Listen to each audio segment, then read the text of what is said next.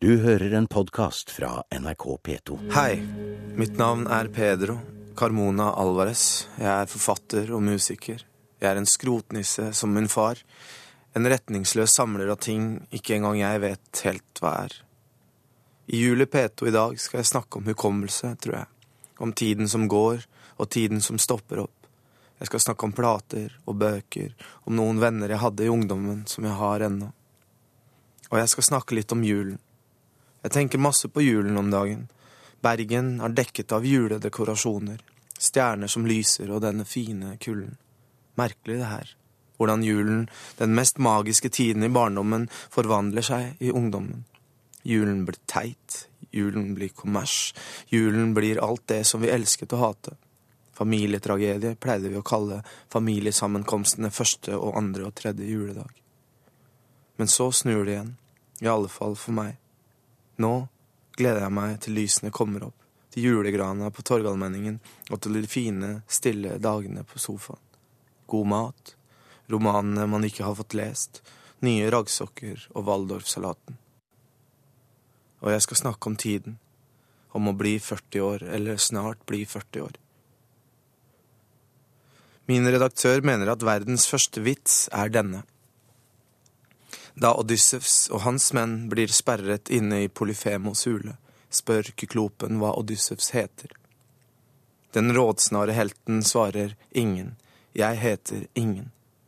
Senere blinder Odyssevs kjempen med en glødende påle, og da hans kyklopkompiser spør om hvem som har gjort noe så grusomt mot Poseidons sønn, svarer Polyfemos ingen. Ingen har blindet meg. Jeg har ofte tenkt på tiden som en slik kyklop, eller kanskje heller at tiden voktes av en slik polyfemos, en menneskeetende, enøyd kjempe som har sperret oss inne i hulen sin, og som passer på ved utgangen. Og jeg har også tenkt at det finnes måter å lure tiden på, å blinde ham med en glødende påle, og kalle seg selv ingen, og slippe ut. Kan man reise i tid? Det er klart man kan.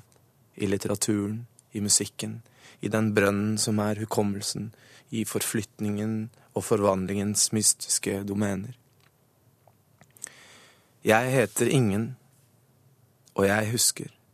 Jeg husker julen 1984. Jeg husker at jeg fikk en blå Walkman som jeg hadde ønsket meg i månedsvis. Jeg husker også at Andreas og Fredrik og Thor fikk seg Walkmaner, og at de kom opp til meg på første juledag, og mamma laget bananmilkshake til oss som vi drakk inne på rommet mitt mens vi satt med hodetelefoner og hørte på hver vår kassett. Det var den høsten Fredrik fikk Sky Channel.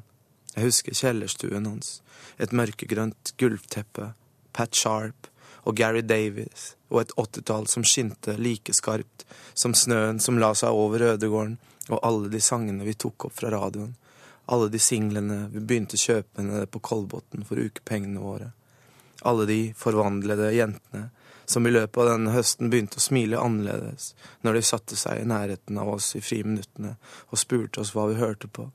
Jentene som plutselig likte at vi dyttet hverandre mot dem, sånn at vi kunne falle oppå dem, sånn at de på sin side kunne dytte oss vekk, sånn at hendene våre og kroppene deres og hendene våre og kroppene deres.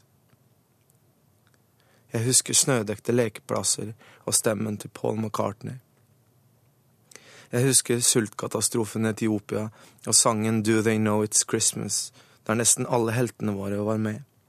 Jeg husker at svensk TV sendte en konsertfilm med Duran Duran, og at Magnus i A-klassen hadde plata, og at Andreas og jeg betalte ham 20 kroner for at han skulle kopiere tekstene til oss.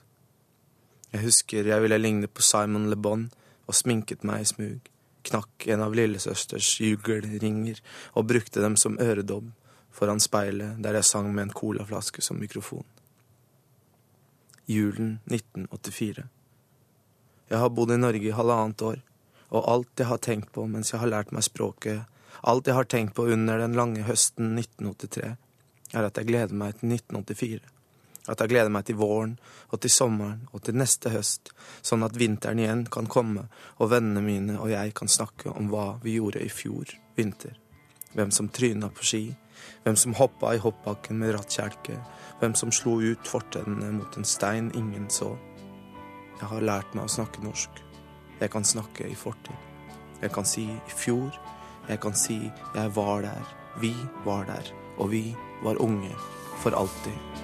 Husker du det? Du hører en podkast fra NRK P2. For mange år siden bodde jeg i Spania, og en dag, en begivenhetsløs tirsdag, satt jeg og bladde gjennom et litterært bilag der jeg fant et utdrag av en novelle skrevet av en forfatter ved navn Juan Bonilla. Kort gjenfortalt. En spansk bestselgerforfatter sitter i sin nyinnredede Madrid-leilighet med en avis foran seg, der hun kan lese med glede at hennes nye bok ligger på toppen av bestselgerlistene. Hun kan ikke unngå å være stolt av seg selv, synes at hun skriver godt, at hun er ganske god, men innerst inne vet hun at hun aldri noensinne kan skrive med en slik kraft som Ernest Hemingway. Siden ser vi Hemingway sitte i en leilighet i Spania eller på Cuba mens han leser gjennom sin siste bok, blar i den og er godt fornøyd med seg selv. Han synes at han skriver bra, at han med denne boken har fått til noe nytt, at han har kommet seg et steg videre som forfatter. Mens Hemingway leser seg selv, tar han seg i å tenke på at han skulle ønske han kunne skrive med en sånn kraft som Platonov, og innser noe melankolsk at han ikke kan det, at han aldri noensinne vil kunne skrive som Platonov, at han ikke har den kraften i seg. I den påfølgende setningen møter vi nettopp Platonov, som står på gaten i St. Petersburg og feier.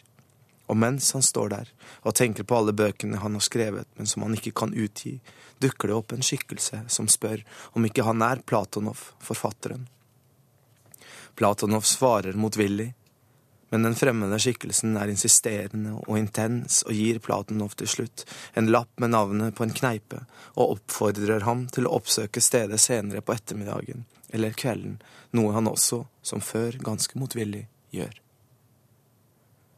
De ensommes selskap er et kjellerlokale der Platonov først blir møtt av noen skumle dørvakttyper før han blir sluppet inn i den mørke baren. I løpet av de neste sidene i fortellingen sitter Platonov og drikker og observerer og snakker med noen av de andre gjestene der. Den unge Frans Kafka sitter sammen med Max Brodd, og blekt og nervøst argumenterer han for at vennen må brenne hans uferdige manuskripter ved en eventuell død. Den enda yngre, engleaktige Rambaud sitter alene. Ifølge de andre gjestene har han sittet der kveld etter kveld i årevis allerede, og han skriver på det samme diktet som han stryker i, legger til, omfraserer og deklamerer høyt og frustrert, før han igjen går til bordet sitt og fortsetter på sitt Sisyfos-aktige arbeid. Det sitter andre der også, den blinde Borches og en nylig druknet Virginia Woolf, som sjangler inn, våt inntil skinnet, ulykkelig og gråtende. Bare noen måneder etter å ha kjøpt Bonillas bok, mistet jeg den under en flyttesjau og har aldri siden fått lest fortellingen igjen. Mange år etter befant jeg meg igjen i Spania og fikk det for meg at jeg igjen skulle prøve å finne Bonilla-boken der denne novellen fantes. Men den var etter sigende utsolgt fra forlaget, mulig å oppdrive. Men jeg fant en annen bok av Bonilla, en som heter Je me souviens, som er fransk og betyr jeg husker eller jeg minnes. Je me souviens er opprinnelig tittelen på en bok av Georges Perec, som for første gang utkom i 1978 og siden i utallige opplag. Den består av 480 nedtegnelser som alle begynner med boktittelens tre ord, to på norsk, Jeg husker. Disse notatene overskrider aldri ti linjer, de fleste av dem nøyer seg med kun et par. For eksempel, jeg husker min onkel hadde en CV11 med skiltnummer 7070 RL. Jeg husker Sapotek. Jeg husker Javier Cuga. I bokens forord skriver Bonilla at han i mange år har samlet på utgaver av Perecs bok, og at det som mest tiltaler ham ved boken, er Perecs skriveposisjon og innstilling. At han ikke gjør annet enn å varsle om en rekke minners skjelett, og resultatet er en lang liste som litterært sett ikke er annet enn knokler og det er leserens oppgave å ikle disse kjøtt, eller velge å nøye seg med dette som forfatterens hukommelse har redusert til inventar. Alle opplagene av dette lille verket har siden kommet ut etter Pereks instrukser med et par-tre blanke sider bakerst i boken, der leseren selv kan føre inn sine jeg husker. Bonilla skriver Som i de fleste tilfeller av kolleksjonisme må jeg påpeke at min samling av eksemplarer av boken til Perek ikke begynte med den første jeg kjøpte, men derimot med den andre, eller til og med den tredje. Jeg husker at jeg etter å ha lest boken for første gang brukte en god stund på å søle til en liten skriveblokk med mine jeg-husker. Da jeg hadde flere enn hundre å ta av, valgte jeg ut de 30 beste og førte dem inn i de blanke sidene på slutten av Pereks bok. Dette er en øvelse jeg anbefaler alle forfattere som mistenker seg selv for å være i sentrum av en skrivesperre. Jeg husker Skylab, skrev jeg den gang, og måneder senere, etter å ha gjennomgått min liste med minner, klarte jeg å hente ut en fortelling fra denne setningen, som handlet om raketten som NASA mistet kontrollen over. Jeg husker Underground av Emir Kostorika. Jeg husker Den blå apen, som var den første gaven jeg ga til min nevø. Jeg husker alle de årene du ga meg den natten. Men som sagt, min samling av Je me souviens begynte å formes måneder senere, da jeg fant et eksemplar utgitt i 1986. Og selvfølgelig de blanke sidene som redaktøren hadde lagt til boken, slik at leseren kunne skrive ned sine jeg husker i forlengelsen av Perex, var ikke lenger blanke, men fylt opp av en mikroskopisk kalligrafi som bokens forhenværende eier hadde brukt for å skrive ned sitt arsenal av jeg husker. De var skrevet på katalansk, og jeg kjøpte boken utelukkende for i ro å kunne lese disse minnene som den anonyme leseren hadde villet tilføre Perex fremragende prosjekt.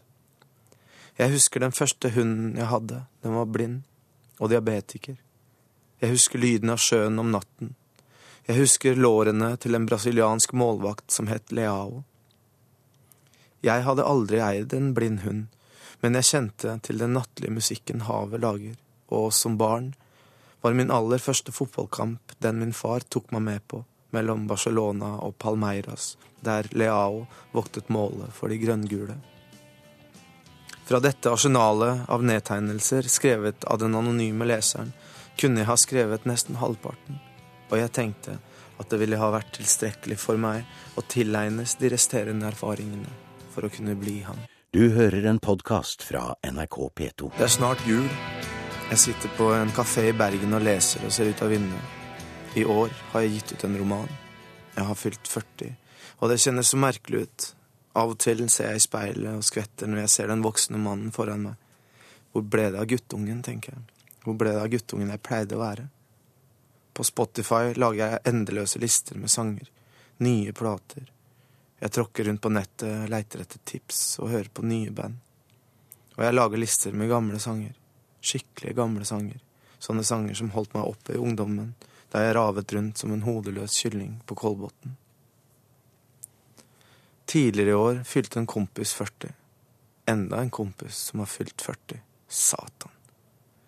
Jeg husker min fars 40-årsdag. Den ble feiret på Kolbotn. Fredrik sov over hos oss den natten, og etter at lillesøster var lagt, satt han og jeg oppe og plagde livet av en nærradio-DJ. Vi ringte inn hvert tredje minutt og ønsket oss sanger og maste. Jeg tror vi til og med vant noen ganske gode hodetelefoner den natten som jeg brukte å sove med til jeg flyttet hjemmefra. Også dette tenkte jeg på i går. Satan som tiden går, sa jeg, og hørte hvor dumt det låter og hvor sant det er på samme tid. Inge Pinge, han som har fylt 40 år, har en teori om at nesten alle bandene eller artistene han vet om og liker, har blitt dårlige når de har fylt 40. Folk mister det helt, mener han, og roter rundt og får panikk og vet ikke opp ned på noen ting, før de finner seg selv igjen når de har fylt eller nærmer seg de 50. Tenk på Neil Young, sier Inge Pinge. Tenk på Dylan, tenk på Springsteen. Jeg vet allerede hva som er blitt min 40-årskrise. Jeg har blitt besatt av lydteknikk, av frekvenser og kompressorer og EQ-er og sånne ting. Jeg kommer neppe til å kjøpe meg motorsykkel eller gå fra kjæresten min og begynne å trene og flytte sammen med en 22-åring. Men jeg tenker jo på ting. Hvordan skal man bli god, tenker jeg. Bli god til å skrive og tenke og lage god musikk. Hva kommer nå? Skal jeg bli skikkelig dritdårlig i ti år? Er det nå jeg skal få panikk? Var det enklere før? I det mørke nittitallet satt vi inne på hyblene våre og drakk om nettene, etter at garasje hadde stengt, etter at nachspielet var gått i oppløsning, etter at de andre hadde sagt takk for seg, satt vi der ved stereoanlegget og satte på sang etter sang mens det lysnet. Vi spilte i band som het Monopot og I Phoenix og Sister Sonny, band vi trodde skulle holde sammen for evig. Alternativscenen hadde eksplodert etter et tiår dominert av hår, rock og plastikk. Det er i alle fall klisjébildet av 80-tallet, men sannheten er at undergrunnsscenen på 80-tallet var mangefasettert og original på en måte 90-tallet aldri klarte å matche. Sånne ting snakket vi om midt på natten. Hva er stilig? Hva kan man tillate seg sånn rent estetisk? Jeg husker Monopot på Kvartfestivalen i 2000. Før konserten spilte de av hele Last Thoughts of Woody Guthrie, det eneste diktet Bob Dylan noensinne leste opp uten musikk. Et syv minutter langt angrep på pengejag og falskhet og middelmådighet og hykleri. No, but that ain't your game, it ain't even your race. And you can't hear your name, and you can't see your face. You gotta look some other place. And where do you look for this hope that you're seeking?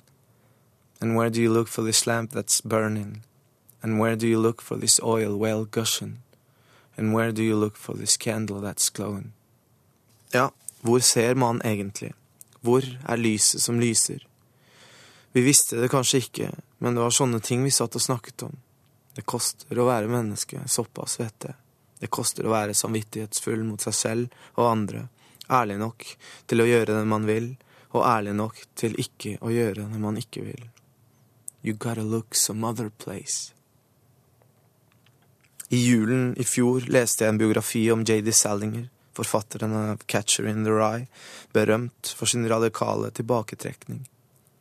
Etter å ha publisert sin siste langnovelle i The New Yorker i 1965, låste han seg inne i huset sitt i Connecticut, fortsatte å skrive, men utga aldri en linje igjen.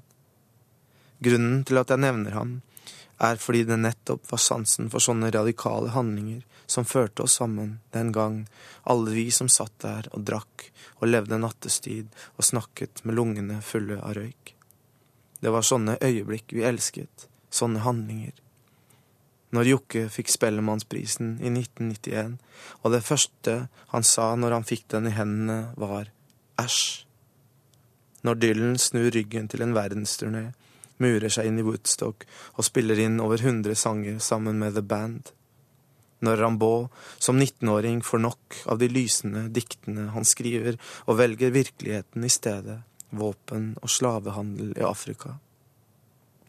Når Bartleby, kontoristen i Herman Melvis' fortelling, slutter å sammenligne dokumenter, og siden å skrive dem, og til slutt sitter han bare urørlig bak sitt grønne skjermbrett og ser gjennom et vindu som vender ut mot en mursteinsvegg i Wall Street. Bartleby, som tilbringer all sin tid på kontoret, forteller aldri noen hvem han er, hvor han er fra, om han har slektninger eller ei. Og når andre spør ham om når han er født, eller ber ham om å utføre noe og fortelle noe om seg selv, svarer han alltid I prefer not to. Jeg vil helst slippe. Og det, tenker jeg, kan være et slags svar. Jeg vil helst slippe. Tilbaketrekning eller intervensjon, husker jeg vi sa, når vi snakket om hva slags kunstneriske strategier vi skulle velge. Være med eller ikke være med. Nå tenker jeg at tilbaketrekningen mer enn noe annet er en mental tilstand. Jeg har ikke nok mot til å forsvinne på en slik måte som jeg beundrer.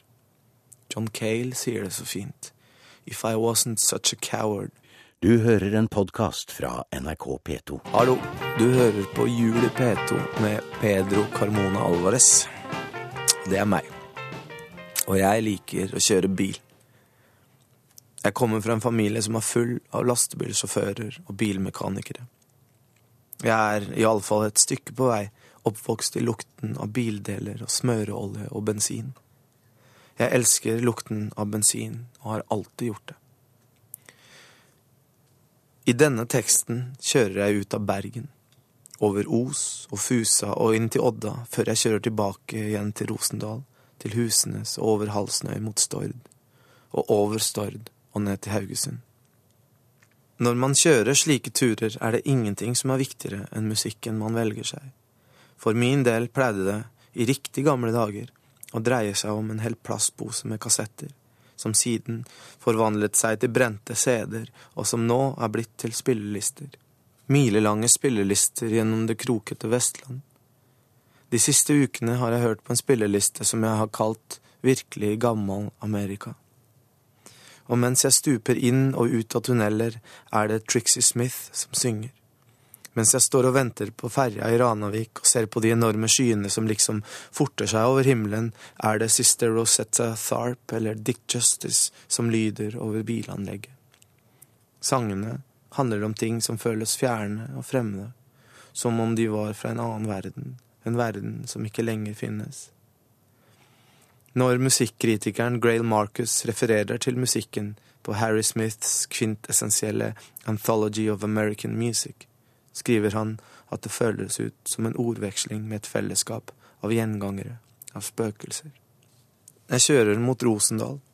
Jeg sjekker inn på det nydelige fjordhotellet og får til og med et rom med terrasse ut mot vannet, der jeg sitter og røyker sigaretter og lurer på om Rosendal kanskje er et godt sted å ta livet av en plagsom romankarakter på. Jeg tenker på drukning og på spøkelser og på stemmen til Memphis Slim, som ikke bare insisterer på at han er The Grinder Man, men som på tross av å ha vært død siden 1998, likevel synger ennå ut av høyttalerne. Det er godt mulig det er fordi jeg er alene så lenge av gangen på disse reisene, men etter å ha tenkt på den døde mannen som synger, må jeg samle meg litt og går ned i hotellrestauranten. Men der fortsetter alt sammen. Idet jeg setter meg ned i den store, fabelaktige restauranten, som er helt tom, dukker det opp en østeuropeisk duo som straks går opp på scenen og drar i gang en ubeskrivelig versjon av Johnny Cash sin Folsom Prison Blues. Den mannlige halvdelen av duoen spiller halvhjerta gitarsoloer, mens han synger på noe som med velvilje kan minne om det engelske språket. Jeg vet at David Lynch nettopp har vært i Norge, og denne kvelden er det akkurat som om noen har plassert meg inn i Lynchs velurkledde og mystiske univers. Mens østeuropeeren synger Cash sin udødelige linje I shot a man in Reno just to watch him die, venter jeg på at det skal komme inn en dverg med en gullstokk, en oversminket kvinne med trebein, en hekskledd skjønnhet med en kost i hendene, eller hvorfor ikke, Memphis Slim som sitt alter ego, sjølveste The Grinder Man, som høflig spør om ikke han kan sette seg ned ved bordet mitt og ta seg et glass. Selvsagt, sier jeg, på min beste engelsk, please, sit down. Og der blir vi sittende og snakke sammen, The Grinder Man og jeg. Vi bestiller en øl, og så bestiller vi en til, og ingen av oss skal tidlig opp likevel dagen etter. Og da jeg forteller ham om spillelisten min, om turene over Vestlandet og om de bøkene jeg drømmer om å skrive, tar Memphis Slim opp en bok fra vesken sin, Gisle Selnes, Det fjerde kontinent, før han gradvis forsvinner for meg, slik at jeg igjen blir alene i restauranten, til tonene eller til ekkoene av duoen på scenen. Jeg bestiller en øl til og sitter oppe hele natten og leser. Jeg leser om Amerika som myte, som forestilling, som speil og mytebrønn. Jeg hører hotellpersonalet slukke lysene og musikerne skru av lydanlegget. Jeg sitter og følger Gisle Selnes natten igjennom. Amerika, skriver han, er et ikke-sted, et utopia, en mytisk forestilling. Oppdagelsen av kontinentet sprang ut av en middelaldersk forestillingsverden som inngikk i en katolsk, føydalsk evangeliseringsprosjekt, og følgelig har ikke kontinentet noe plass innenfor et klassisk kristent verdensbilde. Amerika er en anomali. Utpå natten snakker Selnes om Robinson Crusoe og skipbruddet, og om Cutses roman Foe, som jeg så snart jeg lysner, akter å anskaffe meg. Men det er ennå mørkt, og Selnes fortsetter. Han snakker til meg om det fremmede, om kartografiske kuriosa, om drømmen om eldorado og forholdet mellom den nye verden og den aller, aller eldste, det vil si mellom Amerika og Edens hage. Ja, For hvilken rolle spiller egentlig forestillingen om et opprinnelig og uoppnåelig paradis i oppdagelsen? Jeg lukker igjen boken og får lyst til å gjøre som Holden Caulfield. Jeg får lyst til å ringe til Gisle Selnes og preike litt med ham. Si at jeg elsker boken hans. Fortelle han om The Gun Gun Clubs raggete versjon av John Hardy. At Tåstrøm har rett. Ingen synger blues som Jeffrey Lee Pears. Men det er altfor tidlig å ringe, så jeg kjører videre bare, setter meg i bilen og stikker av fra Rosendal med spøkelsene mine på slep. Du hører en podkast fra NRK P2. Jeg har lyst til å nevne en bok av Jan Erik Vold som heter Fem stemmer. Vold har samlet dikt og sjeldne opptak av Kristoffer Uppdal, Gunvor Hofmo, Tor Ulven, Kjell Heggelund og Arild Nyquist.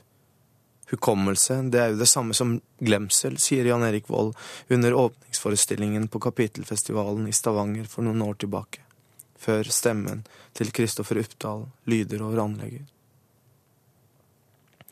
Disse opptakene er sjeldne, sier Jan Erik Vold, og vi skal være glade for at vi har dem. Ulvens dikt, Heggelunds dikt, Arild Nyquists siste opplesning, bare 13 dager før han døde. Hofmos dikt, som ble lest inn da hun var på rømmen i Danmark, da hun prøvde å riste av seg Gaustad og krigen og lidelsen. Tenk om vi hadde hatt Wergelands stemme. Tenk om vi hadde kunnet høre Obstvelder, sier Vold. Dagen etter sitter jeg og hører den rumenske forfatteren Mircea Cartarescu snakke om Bucuresti, om ruiner, om kommunismens enorme skygge. Europa er formet som hjernen min, skriver Cartarescu. Mennesket kan også være steder, jord, geografi. Vi kan være byer og bygninger og ruiner. Vi er steder som husker steder. Et sted i min kropp finnes Bergen, La Serenas barndomsgater, Kolbotn, Greverud, Tårnåsen, Oppegård og Tusse. Etter Kartarescu kommer Stiv Sem Sandberg på scenen sammen med Dagbladets Fredrik Vandrup. Svenske Sandberg har tidligere skrevet fine romaner med utgangspunkt i kvinneskikkelser som Ulrike Meinhof, Milena Jesenska og Lou Andreas Salomé. I 2009 fikk han August priset for sitt storverk De fattige i Lodz, som han denne ettermiddagen i Stavanger snakker om.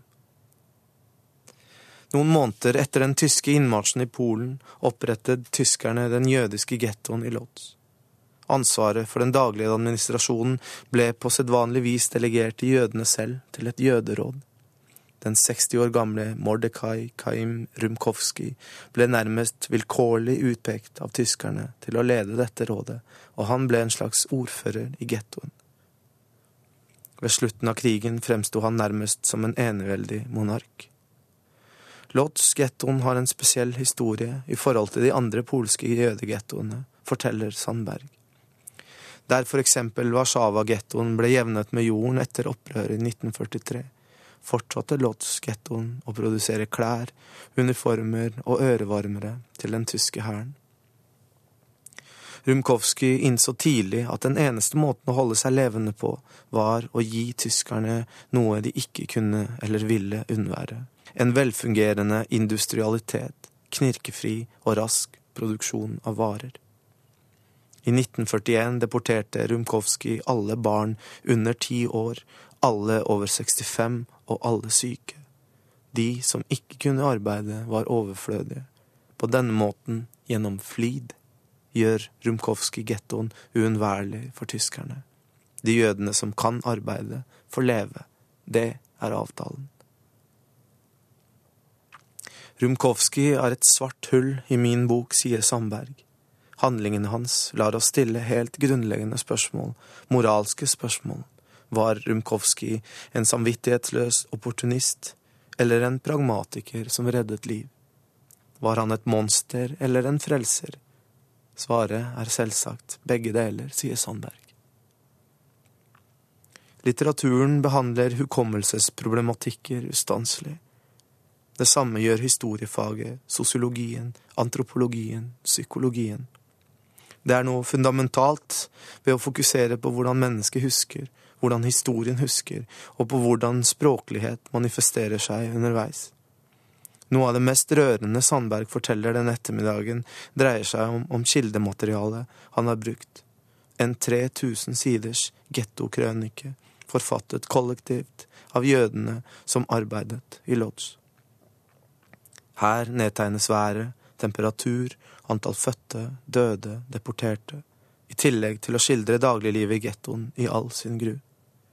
Det er en skremmende og overveldende dokumentasjon av utslettelsen. Her får vi vite at den eneste måten å redde sitt barn på, om man nå har barn under ti år, er å bli en del av Rumkovskijs politienhet, som vil si at man dermed blir nødt til å deportere andres unger. Det er det diabolske i konsentrert form, sier Sandberg, tydelig preget. Likevel, Rumkovskijs tilfelle er kompleks og lite entydig. Jo mer vi tenker på hans handlinger, jo tydeligere blir også hans dilemma. Jo mer vi fordømmer ham, jo mer sympatiserer vi med ham. Sandberg bruker 650 sider på å ikke felle dom over Rumkowski. Og da Fredrik Vandrup helt på tampen spør om hvorfor forfatteren har valgt å skrive en roman og ikke en historiebok, svarer Sandberg enkelt. Historikeren er interessert i å formidle hvordan ting faktisk var, mens kunstneren er interessert i hvordan ting kjenner. Du hører en podkast fra NRK P2. En av de bøkene jeg leste mest i løpet av 20-årene, var Julio Cortázars Paradis fra 1963. I den første delen av Cortázars roman møter vi en gjeng latinamerikanske eksilanter i Paris. Handlingen kretser rundt et gripende, umulig kjærlighetsforhold mellom den plagede intellektuelle Horacio Oliveira og La Maga, kvinnen han elsker uten å forstå hvorfor eller hvordan.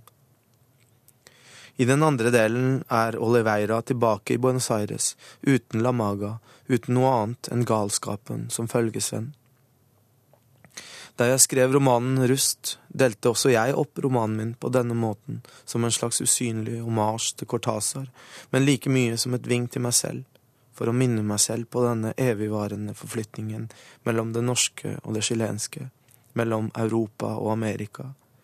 Jeg ville at min Pasolini skulle være en slags Oliveira, en slags ulykkelig fugl på vei hjem til et enormt tomrom, et landskap uten grener eller trær. Når jeg skriver dette, befinner jeg meg i La Serena.